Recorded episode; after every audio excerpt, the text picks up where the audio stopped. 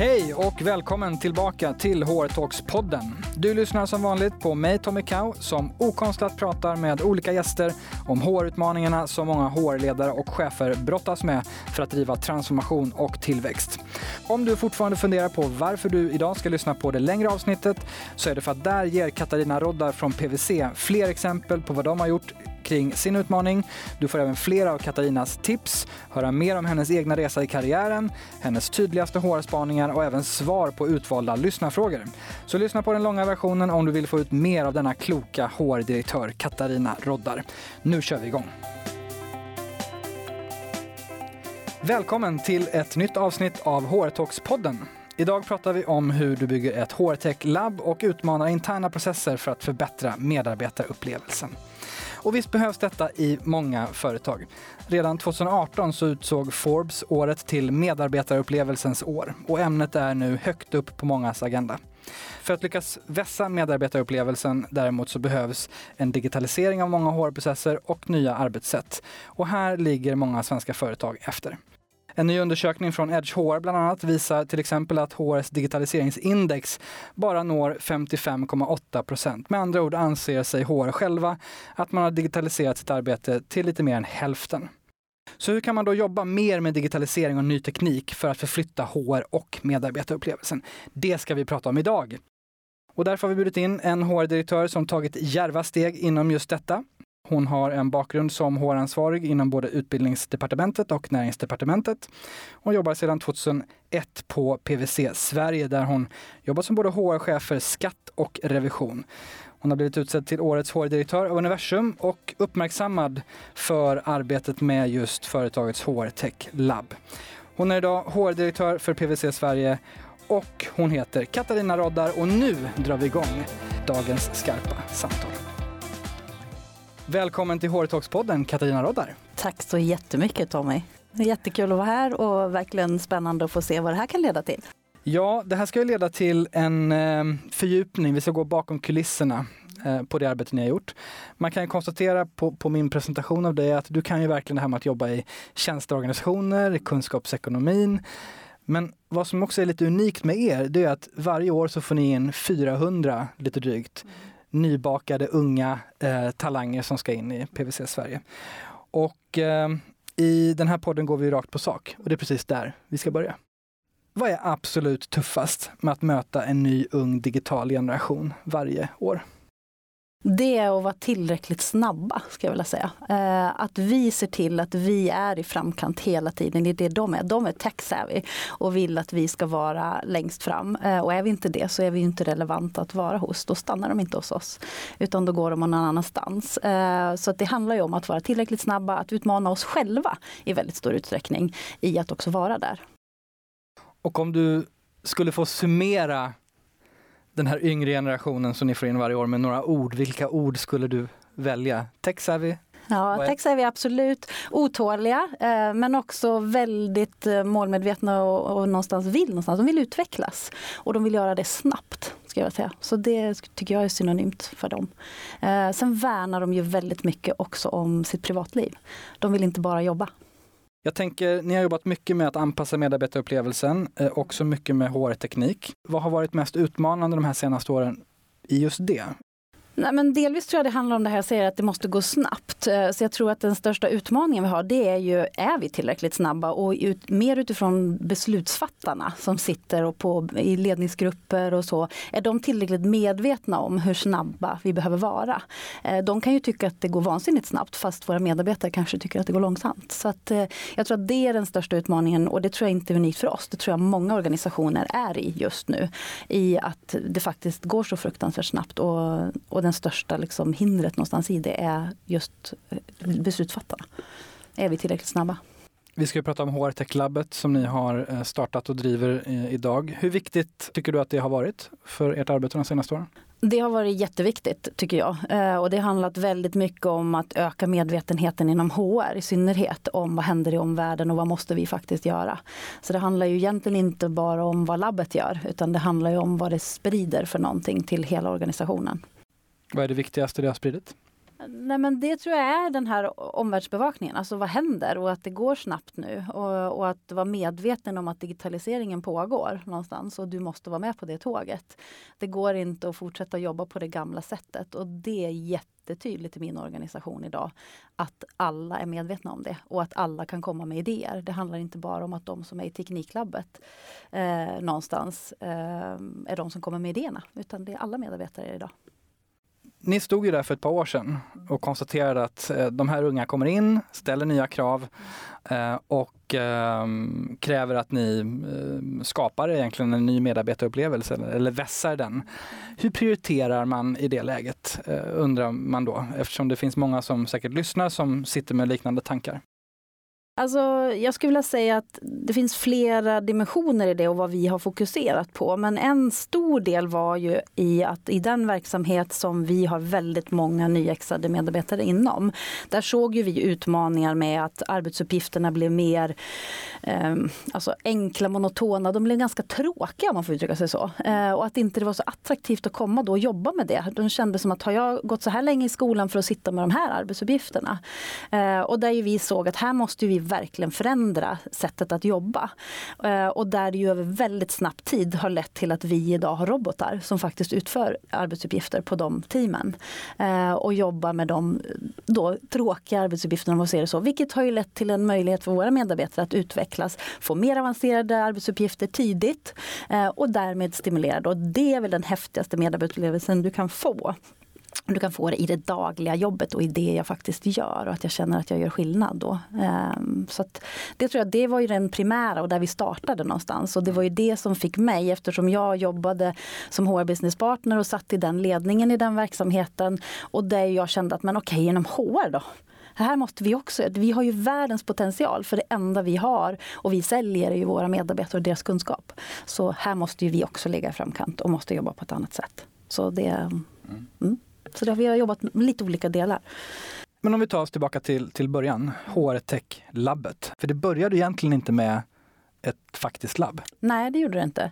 Det började ju med att en av mina medarbetare, Jocke, eh, som jobbade inom rekrytering då, såg en förbättringspotential i rekryteringsprocesserna eh, och började ju fundera på hur skulle det kunna gå till. Och så kom han till mig och sa att du, jag skulle vilja jobba med något annat här. Jag ser att eh, jag tror att jag är färdig med det här med rekrytering. Han tillhör den här generationen. eh, någonstans, jag är färdig med rekrytering nu och nu vill jag utvecklas och jag skulle jättegärna vilja få fokusera på mer det här med HR-tech och vad händer och hur kan vi förbättra våra processer och så. Eh, och jag tyckte det lät jättespännande. Så jag, när var det här? Det är ungefär tre år sedan. Mm. Mm. Eh, och då bad jag honom eh, gå och fundera över ett business case. Vad är det du faktiskt ser att du skulle kunna bidra med? Vad skulle kunna vara specifika projekt? Men eh, vad vill vi åstadkomma då med att ha fokus på? Och det var ju egentligen ett business case kring en roll. Och eh, han gjorde det och kom tillbaka och vi diskuterade detta eh, och jag vågade satsa. Eh, för jag tror det handlar om att våga i det läget. Eh, att säga att okej, okay, vi gör det här och vi gör det på heltid. Så någonstans det jag investerade i var ju en roll och en heltidstjänst i att ha fokus på omvärlden där det egentligen startade.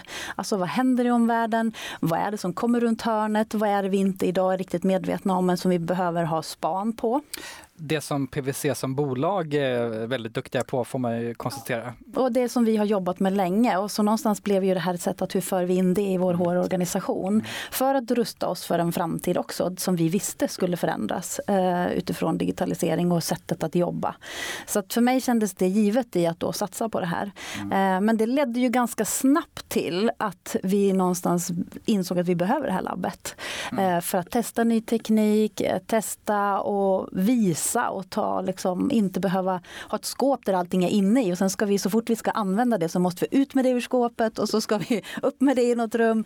Så ganska snabbt insåg vi att det behövdes ett labb. Men egentligen så var det ju någonstans en roll. Det började med om, omvärldsbevakning och att titta på innovativa idéer utifrån projekt vi hade. Eh, och vad kunde vi där utmana oss själva i och vara kreativa och innovativa för att driva de projekten eller processerna på ett annat sätt. Och då kom Joakim med eh, ett business case till dig. Ja. Eh, hur såg det ut? Ja, det var ju en presentation. Eh, det är vi duktiga på också ja. i konceptvärlden. Eh, så det var en väldigt snygg presentation ska jag vilja säga. Men där han ju faktiskt beskrev precis det här att det handlade mycket om omvärldsbevakning. Eh, och att där han också kunde presentera vissa business case som han då såg var, som jag skulle säga, lågt hängande frukter. Där vi kunde få en stor impact men med en ganska liten liksom, investering och tid. Eh, och för att någonstans då kunna visa att det här funkar och sen ta nya projekt. Eh, och bland annat hade ju det kopplat till rekrytering då, där han kom ifrån. Eh, där vi ju såg att själva avslutet i varje rekrytering tog väldigt lång tid utifrån att eh, få kontakt med de kandidater som vi ville signa. Eh, och där vi då, när vi väl var överens om det, så skulle vi leta rätt på en chef som skulle skriva på det här anställningskontraktet. Så skulle vi skicka det med posten och vi vet ju hur det är med posten, det kan ta flera dagar mm. åt olika håll. Eh, vilket innebär att det kunde ta upp till veckor i att vi hade anställningskontrakt som var påskrivna hos oss. Till att vi då bestämde oss för att jobba med e-signering eh, och ett projekt kring det. Eh, och idag tar det bara några minuter. Så från att vi har erbjudit ett jobb till att vi har anställningskontraktet. Så det spelar ingen roll var medarbetaren som vi erbjudit jobbet finns eller var chefen finns, utan det går väldigt snabbt. Så vi har ju sparat oändligt med tid i det, skulle jag vilja säga. Och sänkt risken tänker jag också i att folk hoppar av i slutsteget. Ja, också någonstans säkerställa att inte det tar så här lång tid. Som vi såg att vi tappade kandidater på att det tog lång tid. Du var inne tidigare på att som sagt, det här började inte med ett labb. Men till slut insåg ni att ni behöver nog ett labb. Ehm, Eh, Berätta om den eh, korta resan. Hur det blev ett labb? Ja, ja, jo, men det var ju ganska tidigt som eh, Jocke kom och sa att vi måste nog ha ett rum för det här. Och så, vi var ganska trångbodda, eh, det fanns inte så mycket rum. Eh, så det handlade om att bygga om någon stor yta och det fick vi inga pengar till och resurser. Så då tittade Jocke på mig och så sa han det finns ett rum som faktiskt skulle funka. Och det är ditt rum. Just det. Eh, och jag sa självklart, då tar vi mitt rum. Eh, för jag insåg, jag sitter ju inte där så mycket. Eh, men det är klart att jag eh, funderade, hur ska det gå? Eh, en HR-direktör som inte kan ha samtal i sitt eget rum. Och det var många andra som ifrågasatte det, ska jag säga. Så kanske snarare kanske det snarare det. än jag mm. själv. Men det innebär ju att vi har gått över och jobbar helt aktivitetsbaserat på HR. Och där jag är en del av det, vilket innebär att jag har ingen fast plats. Utan jag rör mig som alla andra och det är det bästa jag har gjort. Så jag tackar Jocke för det, att han tog det och gjorde det till ett labb. Och det används ju nu hela tiden Eh, mitt rum stod ju mest tomt faktiskt. Jag var ju på möten och någon annanstans mest. Och det känns som att det blir lite mer på riktigt också. Att det finns ett faktiskt labb, fysisk plats, som får manifestera förändringen som ni vill genomföra. Och det är ju det också att den inte, som jag säger, det blir inte bara Jocke och det han gör, utan det han har lyckats med, eller vi tillsammans kanske har lyckats med, det är ju att få hela HR och se vikten av det här. Mm. Vilket innebär att en del av de här initiativen jag pratar om är ju inte Jockes idé, utan det är ju det vi har inspirerat med det här labbet som andra då i HR-teamet kommer med idéer.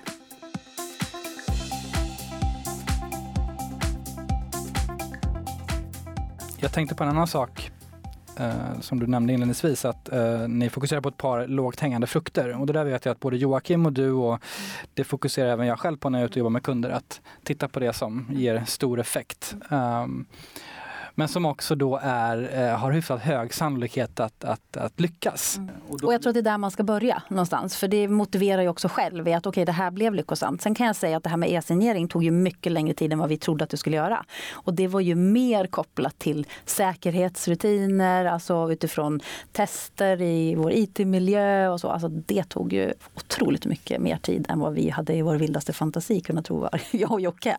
Men samtidigt just av det skälet att vad bra det blev när vi då blev klara. Plus att vi idag kan se att där var vi först ut i hela organisationen med det. Idag jobbar vi ju med det utifrån alla våra 50 000 kunder också. Vilket är ju att vi har ju påverkat även det i organisationen. Mm, just det, och det är också lägre risk för allt och alla involverade om, om ni kan pilota och man slipper göra det eh, inom citationstecken i, i affären.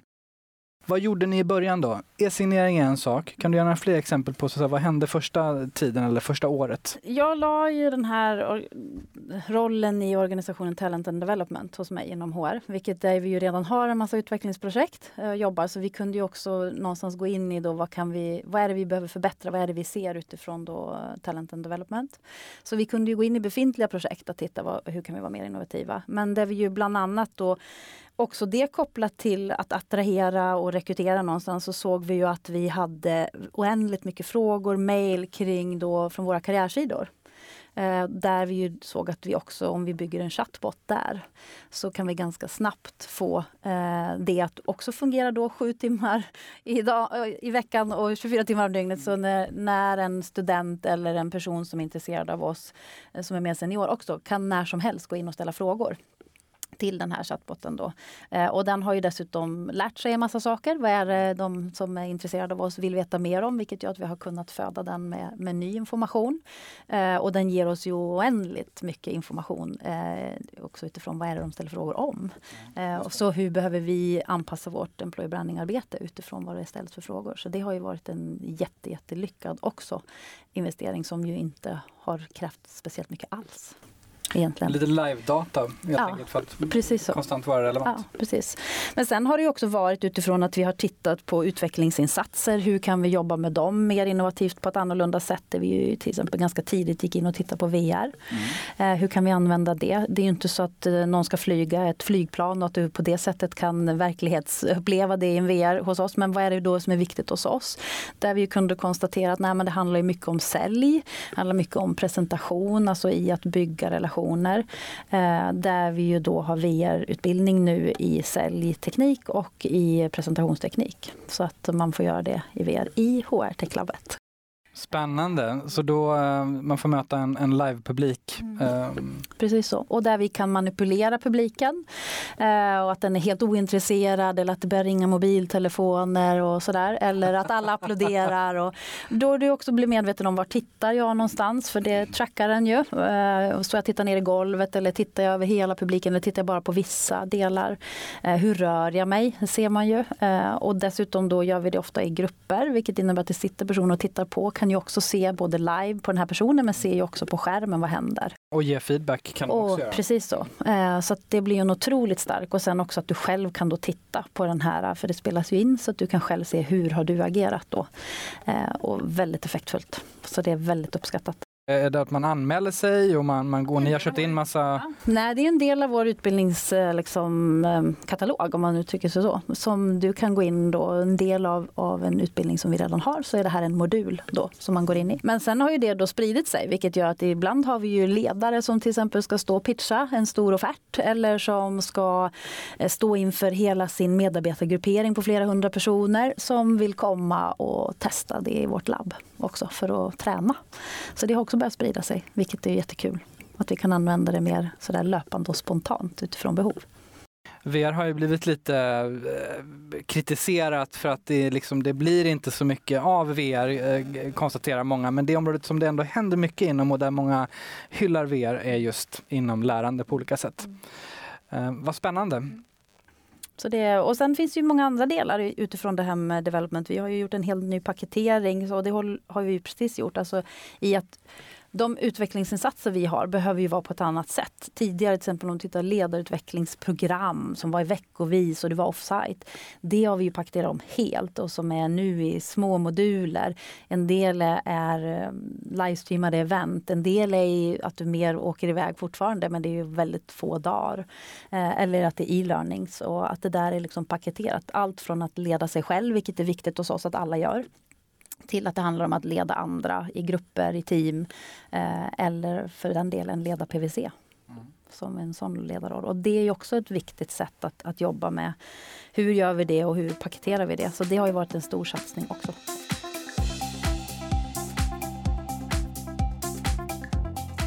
Ge lite fler exempel på, på saker ni har gjort genom labbet. Om man tittar på Jockes business case så hade ju han byggt en, eh, det egentligen utifrån medarbetarcykeln. Eh, från att eh, attrahera, rekrytera, behålla och avveckla medarbetare. Alltså någonstans i att se de här olika delarna. Eh, och där vi ju kunde se vad är det för olika projekt inom de här delarna som vi behöver jobba med. Eh, så det är egentligen där vi började. Eh, och det gör det enklare att se vart är de här lågt hängande frukterna någonstans. Och samtidigt ville vi utmana oss själva. Vi pratar ju om att vi ska vara en, en diversifierad eh, arbetsplats eh, och verkligen jobba för mångfald. Och då såg vi också hur kan vi jobba till exempel med eye tracking var ju en sån sak som Jocke gick in och tittade på som vi också trodde skulle vara en enkel sak utifrån att vi ändå har personer som får frozen shoulder eller tennisarmbåge och sådana här saker. Att hur kan vi då jobba med eye tracking? För att se... Styra egentligen... Medarbetarna ska kunna styra dator och så vidare genom ögonen? Ögonen, precis så. Och också utifrån att vi ska kunna rekrytera personer som kanske har en, en funktionsnedsättning som gör att man ändå skulle kunna eh, jobba med just side-tracking Då. Um, och där vi kunde konstatera att det vi trodde, det trodde vi också var ett ganska enkelt projekt, att det är väl inget problem, men det slutade med att varenda en som vi pilotade på fick migrän. För att de ja. spände i ögonen i datorn och det behöver man ju inte göra. Men de var så ovana. var så otroligt ovana och det var en ganska lång process i att liksom sluta. Så det, det fick vi ju lägga ner efter ett tag. Vi insåg att det här var inte positivt. Det fick ju bieffekter som vi inte hade tänkt oss. Så. Sen tittade vi också på VR utifrån att jobba med mindfulness. Eh, utifrån att, eh, och det är en fantastisk fantastisk häftig grej att kunna göra och som också uppskattades av de som testade och pilotade.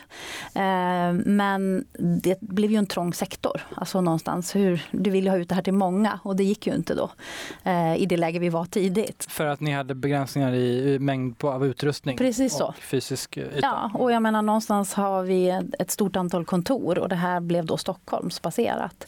Så vi såg att det kanske inte är det vi ska fokusera på utan då kunde, kan man jobba med mindfulness på ett annat sätt som vi valde då istället istället. Vad gjorde ni istället? Nej, men det blev ju mer utifrån att jobba med externa leverantörer till exempel som kom in och hade event med oss eller utifrån appar som vi kunde rekommendera och att, hur man jobbar med det. Men att mer prata då mindfulness. Men det är en bra poäng att ta med sig också att det behöver vara saker som kan skalas upp snabbt till andra och som inte kräver fysiska ytor överallt. Nej, precis så. Så det här var några av sakerna som, som ni gjorde. Vad blev utmaningen lite så här över tid? Kan du se några så här, det här har ni liksom kämpat med eller det här har hackat under, under vägen?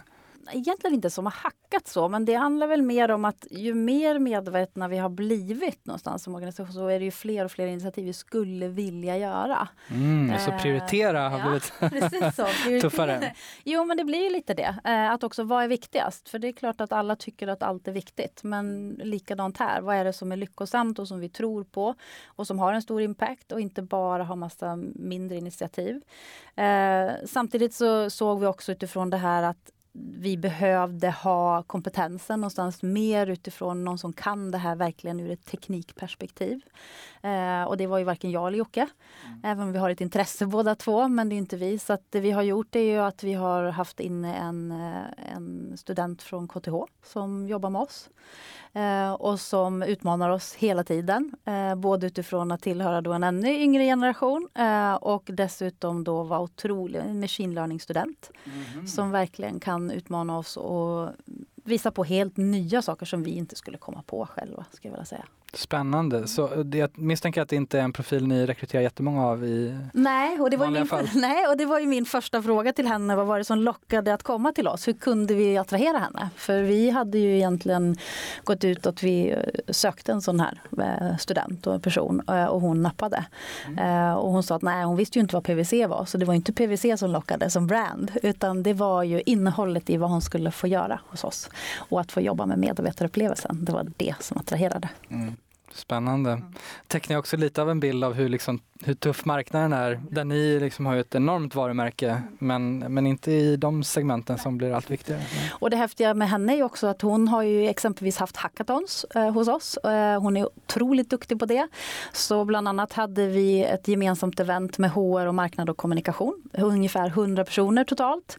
Som var i ett gemensamt rum där hon hade ett hackathon med oss och där vi hade en värderingsworkshop och byggde värderingsrobotar allt från att programmera dem till att eh, någonstans göra dem attraktiva så att man skulle vilja använda dem med blinkande lampor och färger och fjädrar. Och... Vad är takeaways från, från ett bra hackathon om du ska skicka med några? Alltså samverkan som blev då, den energinivån var helt enorm och det blev ju naturligtvis en tävling mellan alla dessa som satt och byggde sina robotar att bli klar först. Ehm, men eh, jag tror takeawayen var ju att både hur enkelt det faktiskt är. Vi byggde ju robotar utan den kunskapen, men vi fick tillräcklig guidning så att det går att lära sig. Och det tror jag är viktigt och en takeaway för oss utifrån att vi pratar mycket om digital upskilling. Hur eh, kan vi med befintliga medarbetare lära dem mer eh, i det kompetensgap som vi någonstans har just nu. Eh, och det är många bolag som har det och det kommer vara svårt att hitta den kompetensen. Så hur kan man jobba med det? Och det här var ju ett enkelt sätt att stimulera det och få personer att inse att nej men jag kan ju. Jag kan faktiskt programmera för jag gjorde precis det. Den här roboten har jag programmerat.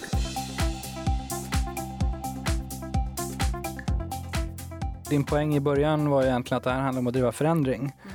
Vad, vad, har varit Katarina Roddars såhär, eh, tips och eller knep för att, för att driva förändring egentligen utmana mycket interna processer där labbet bara har varit ett verktyg för det. Men mm. så här, hållningen och sättet att liksom pusha organisationen och ledare.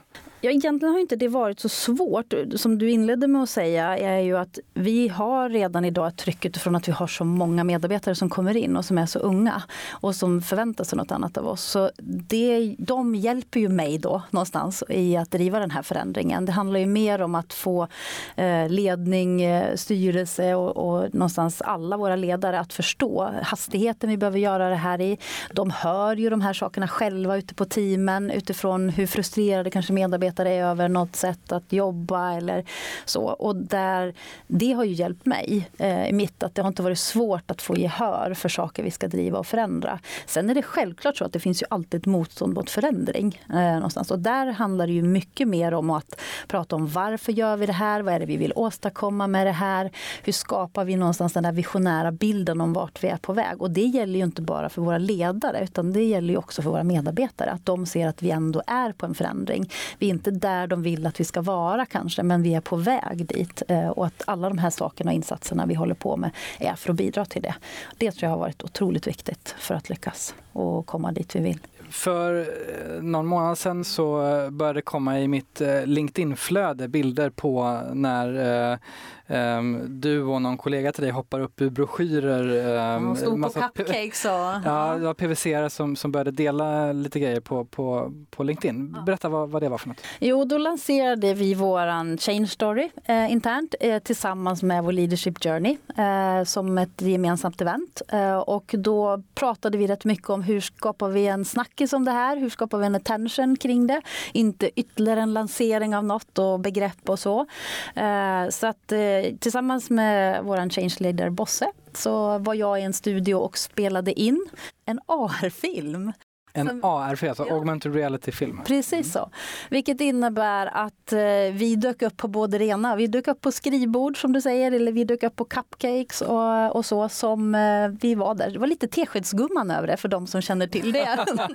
Men förklara för de som inte är med exakt hur det här fungerar. Ja, det är ju som att eh, du skannar ju, du använder ju en app som du tittar i din mobil eh, och skannar den appen. Eller du kunde skanna den här cupcaken som det var ett lock på. Eh, där du kunde då skanna det och eh, upp kom då eh, jag och Bosse ur den här. Så det såg ut som vi stod där fast i miniformat. Eh, och pratade då om eh, vår change story och hur vi ser på ledarskap i den förändring som vi är i mitt i och som hela tiden pågår. Och vi kan absolut säga att det blev veckans snackis utan problem.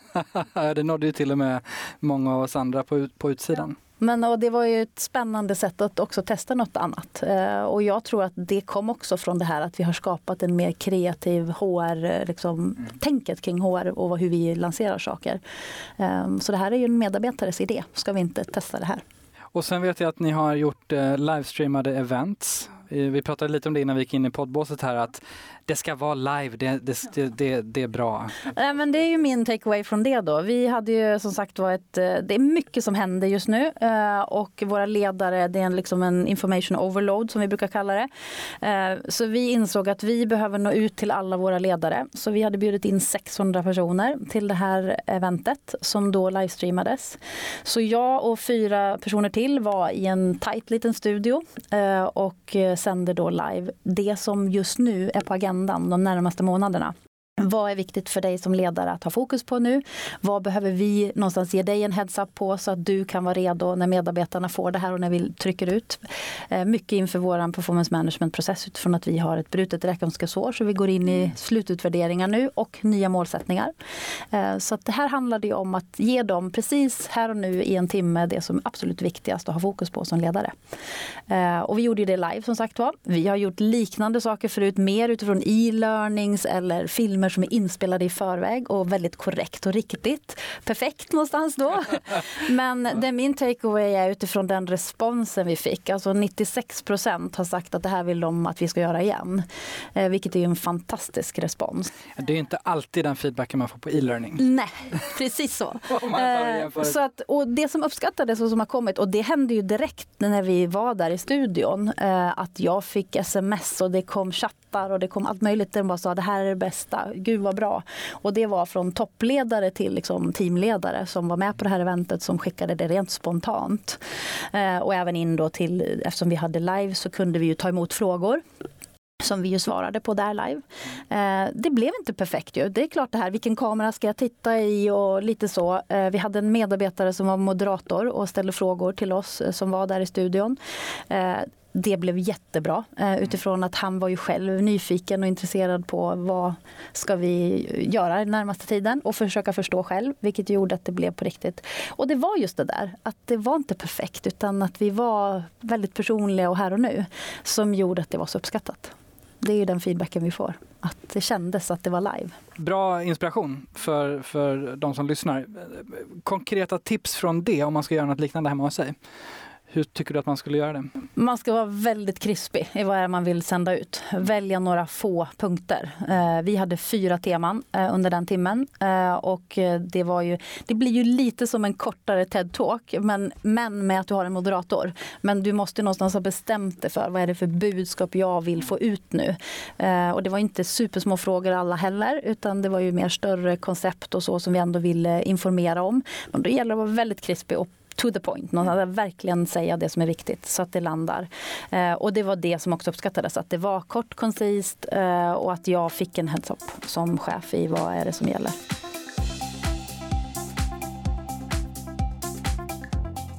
Jag vet att du har tidigare pratat mycket om, om eh, pilota mm.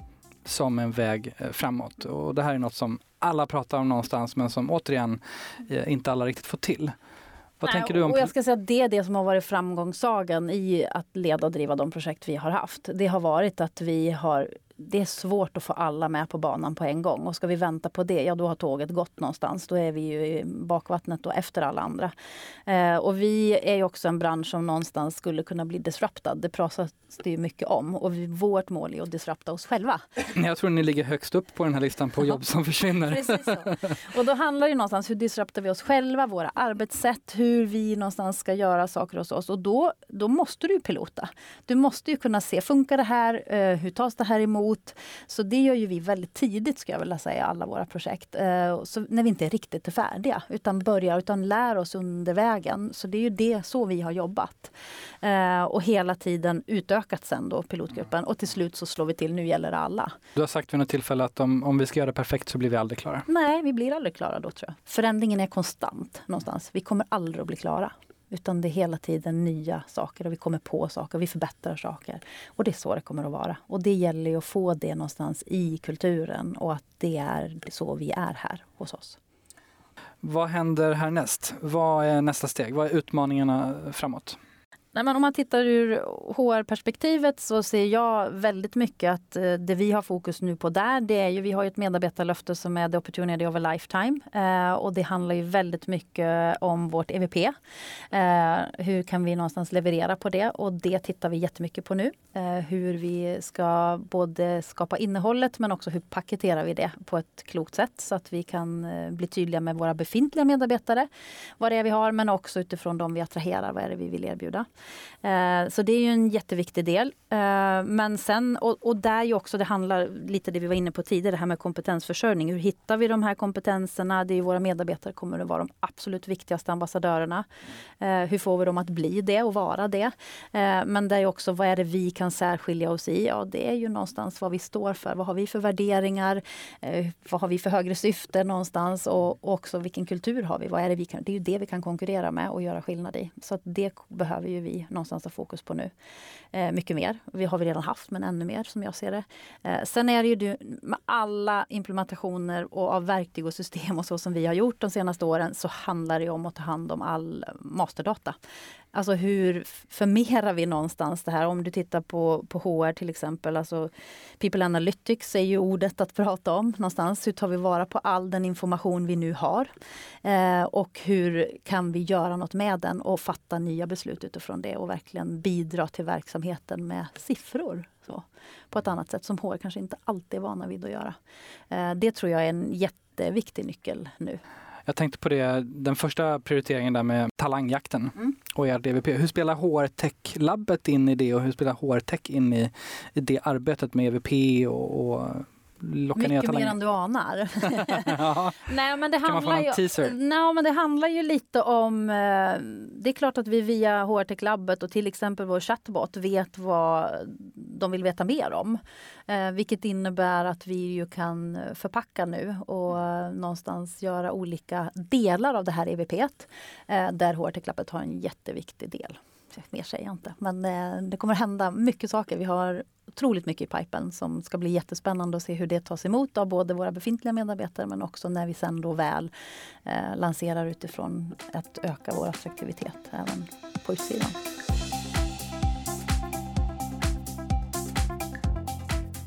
Vi eh, har kommit till tipsrundan. Ja.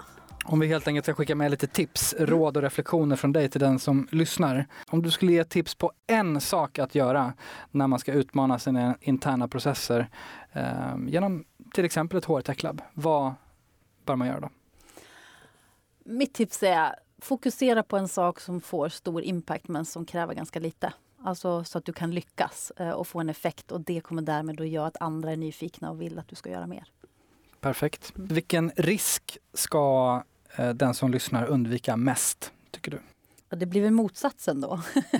I att ta sig an ett projekt som är väldigt stort eh, och som misslyckas med det. Och tro att det då ska ha en så stor impact. Utan då är det bättre att ha ett litet, tror jag, eh, projekt som du tar dig an. Så undvik genom att gå in och ta det som är stort.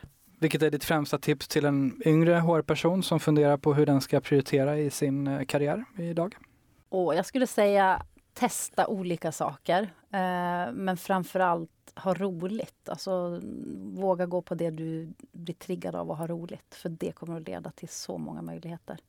Men det handlar mycket om att våga testa och utmana sig själv.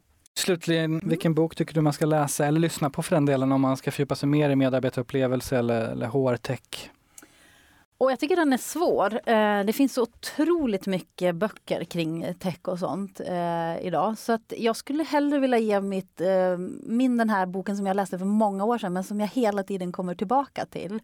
Som är ju mer än kanske en, en ledarbok, så, ledarskapsbok, men som handlar om att se möjligheter och inte ta sig själv på så stort allvar. Och den heter The Art of Possibility.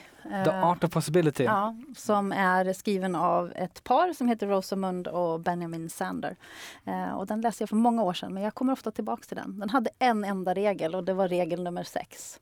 Och det var att ta det, inte dig själv på så stort allvar. Okej, okay, vad härligt. Och då var ju frågan, det... vad är de andra reglerna? Och det fanns inga andra Nej, regler. Okay. Det var den regeln som gällde. det var den regeln som fanns. Och det är faktiskt rätt nyttigt att tänka så. Om man tittar lite på, på din resa. Jag nämnde lite att du har jobbat på PWC under eh, ganska många år. Du har varit igenom några av de mm, största delarna i bolaget innan du klev upp. Ta oss igenom lite mm. vad du har gjort under de här åren på, på PWC. Eh, nej, men jag började ju att jobba med vår skatteverksamhet som ju aldrig hade haft en HR-person då när jag började för 18 år sedan. Så det handlade ju väldigt mycket om att eh, bygga HR-processer där eh, tillsammans med ledningen där. Eh, men också utifrån att vad gjorde vi i PVC i övrigt? Att också kunna ta till oss det, inte bara hitta på egna delar naturligtvis. Eh, och det gjorde jag många år, eh, men jag fick också nya roller och ansvar inom HR under den resan i att tidigt också få bli teamledare, eh, leda och driva olika projekt. Eh, till att vi också jag fick jobba med vår revisions och redovisningsverksamhet. Eh, och sen ett tag så var den också sammanslagen med ehm, skatteverksamheten så då var det i stort sett 75% av PVC som jag satt i ledningen för. Eh, vilket var ju någon försmak på det jag gör nu. Men, och alla de här verksamheterna har ju gått genom förändring. och sen under många år när vi då gjorde en omorganisation så jobbade jag med vår revisionsverksamhet. och hela den resan och transformationen som, för det är ju den verksamheten som du säger, det är de jobben som är högst upp på jobb som ska försvinna. Mm. Eh, I att ha fokus på hur transformerar vi oss själva, hur ökar vi tempot och hur är vi i framkant? Och där var ju ni, eh, kan man väl påstå, ganska tidiga i att verkligen eh, mm. lyfta på stenar och mm. ändra mm. fundamentala delar i hur ni opererade den verksamheten. Och sätta mål. Eh, för liksom, jag menar, vi pratade ju för, ja, det är nog säkert snart tio år sedan vi pratade om robotar som skulle vara en del av revisionen. Och jag tror inte det var någon där som då trodde att vi idag skulle ha 30, över 30 robotar som jobbar med revision. Eh, och där vi ju någonstans verkligen utmanar oss själva i hur vi jobbar. Du nämnde också tidigare att ni startade delivery center mm. Eh, och det var inom revisionsdelen? Det var inom revisionsdelen men vi jobbar ju även med andra verksamheter där idag. Eh, så det har ju växt. När vi började så var det tre medarbetare där. Idag är vi över 200. Mm. Eh, men det är också där vi har våra robotar eh, utifrån att vi också där kan standardisera jobb och också då flytta arbetsuppgifter. Eh, det är en fantastisk verksamhet utifrån att vi har mycket tillfälliga medarbetare där, i synnerhet då studenter som är och jobbar hos oss och får arbetslivserfarenhet och bidrar också och utmanar oss i vad är viktigt att tänka på framåt. Vad tycker du är svårast med att vara HR-direktör 2019? Eh, jämfört med tidigare kanske och, och, och sen vad är, vad är lättast? Det är en jättebra fråga. Um, det svåraste kanske är att mm, det kräver nog något annat idag än vad det gjorde historiskt. Uh, utifrån att du måste ha en bredd. Uh, du kan inte bara vara fokuserad på HR-området någonstans utan du måste vara, ha en koll på hela affären och måste förstå affären för att kunna bidra. Eh, annars är du ganska snabbt irrelevant, eh, tror jag. Och det är samtidigt det som är möjligheten nu i den liksom, transformation som är utifrån att att kunna vara med och leda och driva digitaliseringen i att se att organisationsutveckling också blir en jätteviktig fråga. Hur ska vi vara? Och att kunna vara en del av det. Eh, det är ju mycket ledning och styrning idag i ett mycket bredare perspektiv än vad förut. Och det är klart att det utmanar om jag inte riktigt känner att det är det jag kan. Eh, men det är samma sak där, att våga vara en del av det. Det är ju det jag känner utifrån min egen karriär. Det är det som har varit möjliggörande. Att jag har varit intresserad, nyfiken, mm. fått vara del i, i många projekt som inte bara har varit HR-relaterade mm. utan business-relaterade projekt. Eh, och vara med och leda och driva dem och lärt mig massor på det. Och på det sättet också blivit en bättre HR-direktör. Mm. Och liksom byggt mig själv i det. Mm. Um, det lättaste det är väl att det handlar så otroligt mycket om det vi brinner för, eh, som vi är inne på, medarbetarupplevelsen. Mm. För jag tror att det är det som gör att många dras till HR ändå, eh, utifrån att skapa det. Eh, och då är väl det det lättaste, om, om allt då egentligen handlar om det, så är det det lättaste att då måste det finnas en motor någonstans.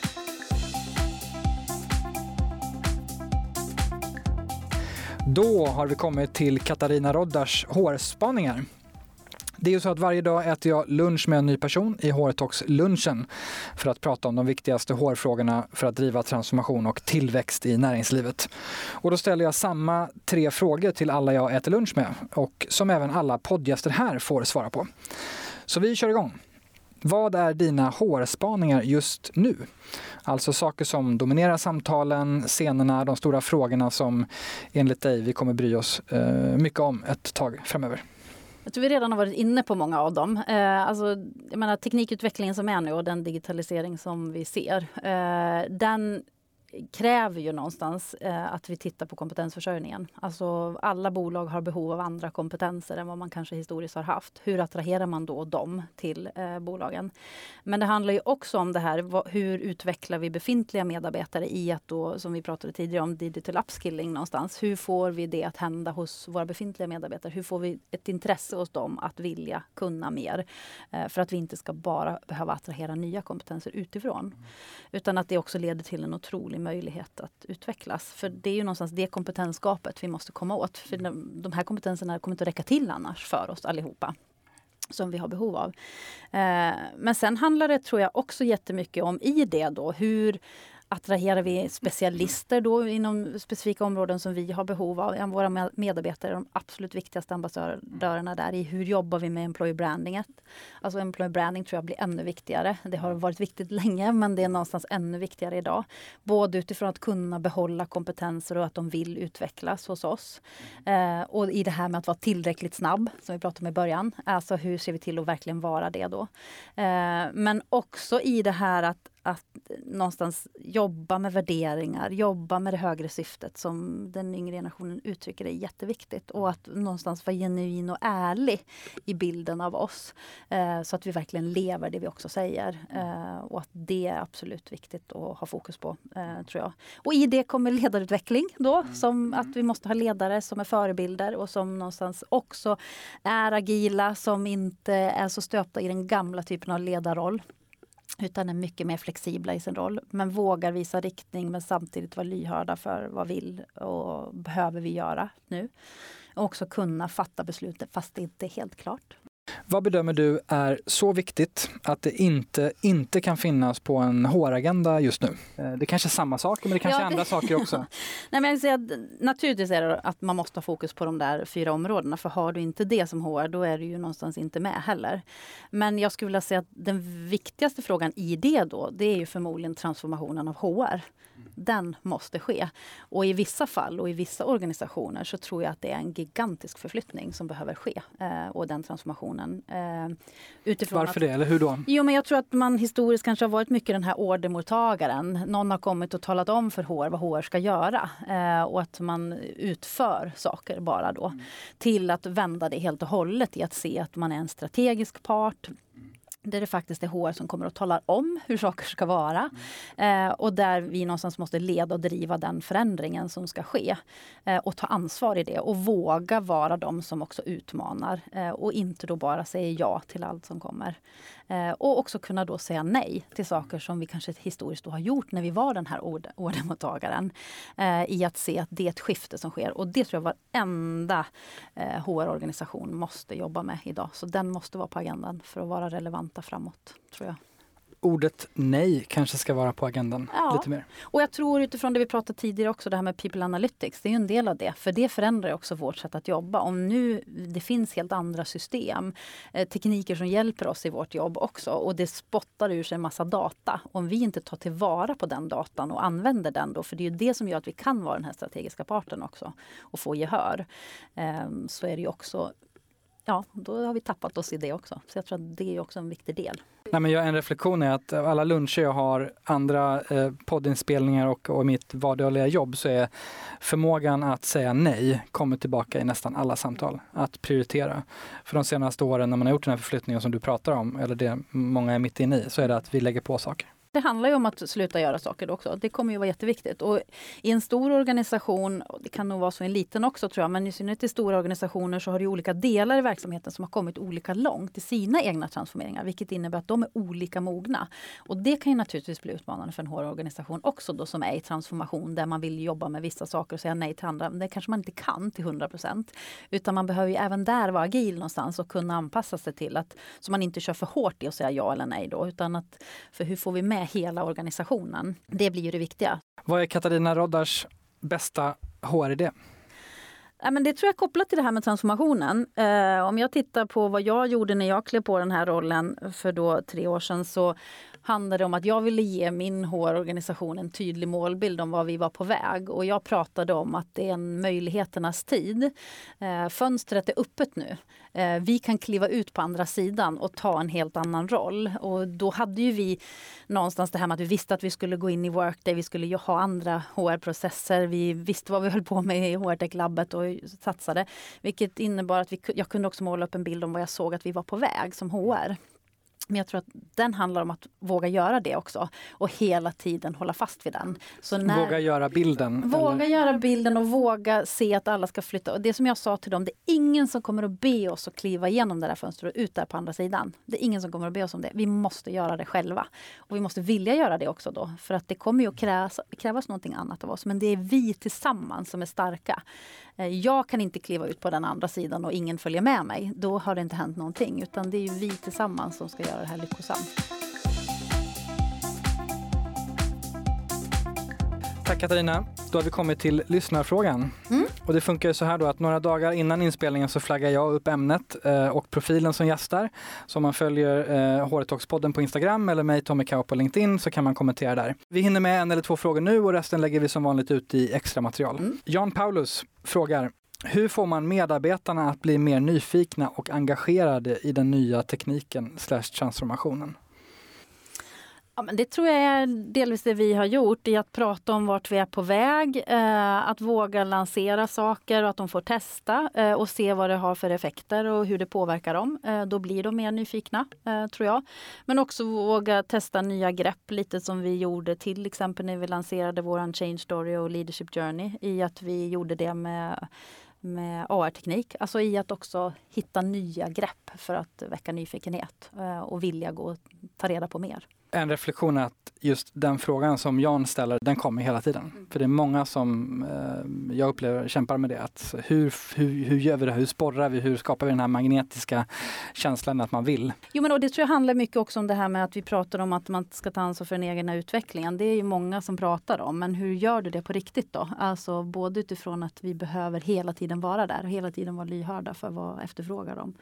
Eh, så att vi gör rätt saker.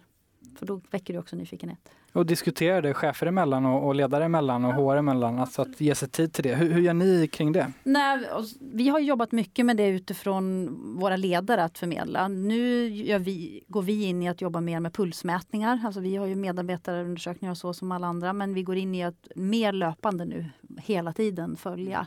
Och det är ju många bolag som gör idag. Och jag tror att det är enda sättet också för att ha örat mot rälsen hela tiden. Också kunna anpassa, vad och ta hand om situationer som vi identifierar identifierar utifrån det.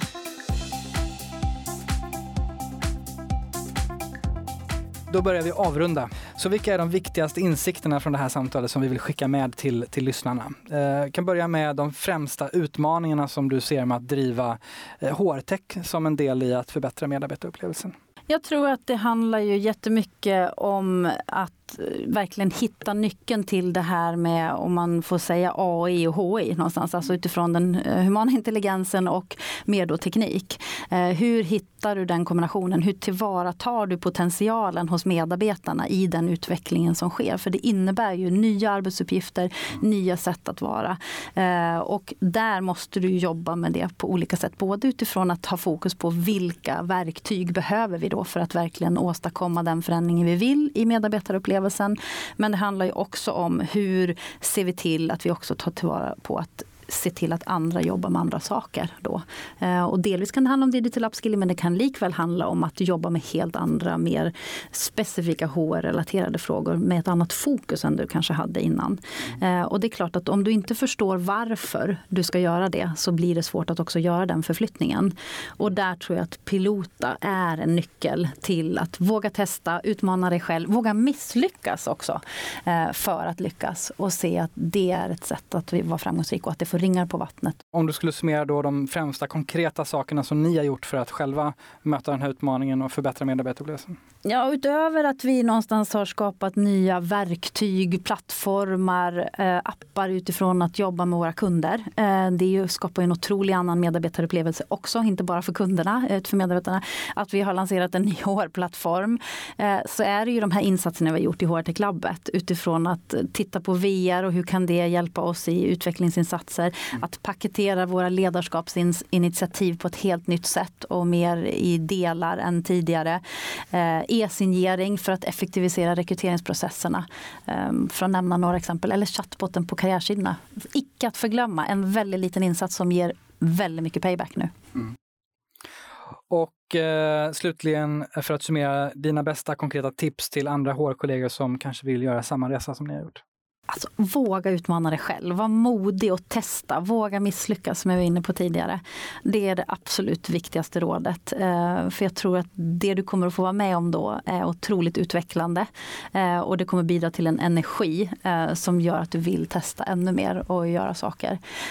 Och tro på det du gör någonstans. Alltså att våga, vara uthållig, ge inte upp utan också i det se att du kan lyckas med det. Eh, men det handlar också om att vara lyhörd. Vad är rätt väg framåt? Du måste vara lite strategisk i dina val också. Vad tycker du att vi ska prata mer om i, eh, i HR-talks-podden? Vilka utmaningar tycker du vi ska jag tycker att det skulle vara intressant. Eh, vi pratar ju mycket nu om HR-tech och teknikutveckling, digitalisering. Men vad gör det med oss människor? Alltså hur anpassar vi oss som människor till det? Det tycker jag du skulle ha en podd om. Och prata med, jag har ju en idé om du skulle kunna prata med också. Ja, gärna. Nej men jag tänker, varför inte ta hit en hjärnforskare? Ja. Ta Absolut. en sån som Katarina Gospic som eh, till exempel, eh, eller Anders Hansen eller någon sån, alltså som också tittar på det här, vad gör den här teknikutvecklingen med oss människor? Mm. Att prata om det. Hur förhåller man sig till det och hur överlever vi det någonstans? Eller vad händer? Katarina Roddar, stort tack för att du ville vara med oss i HR-talks-podden. Det har varit ett sant nöje. Tack så jättemycket för att jag fick komma Tommy. Detta var ännu ett skarpt samtal i HR-talks-podden. Stort tack till dig som lyssnat och vill du höra svar på lyssnarfrågor ska du kolla in extra materialet för det här poddavsnittet med Katarina Roddar från PWC. HR-talks-podden ges ut av Kao Company, produceras av Media Mera och du hittar mer information på hrtalkspodden.se. Nästa vecka kommer ett nytt färskt avsnitt. Tills dess, ha det bra!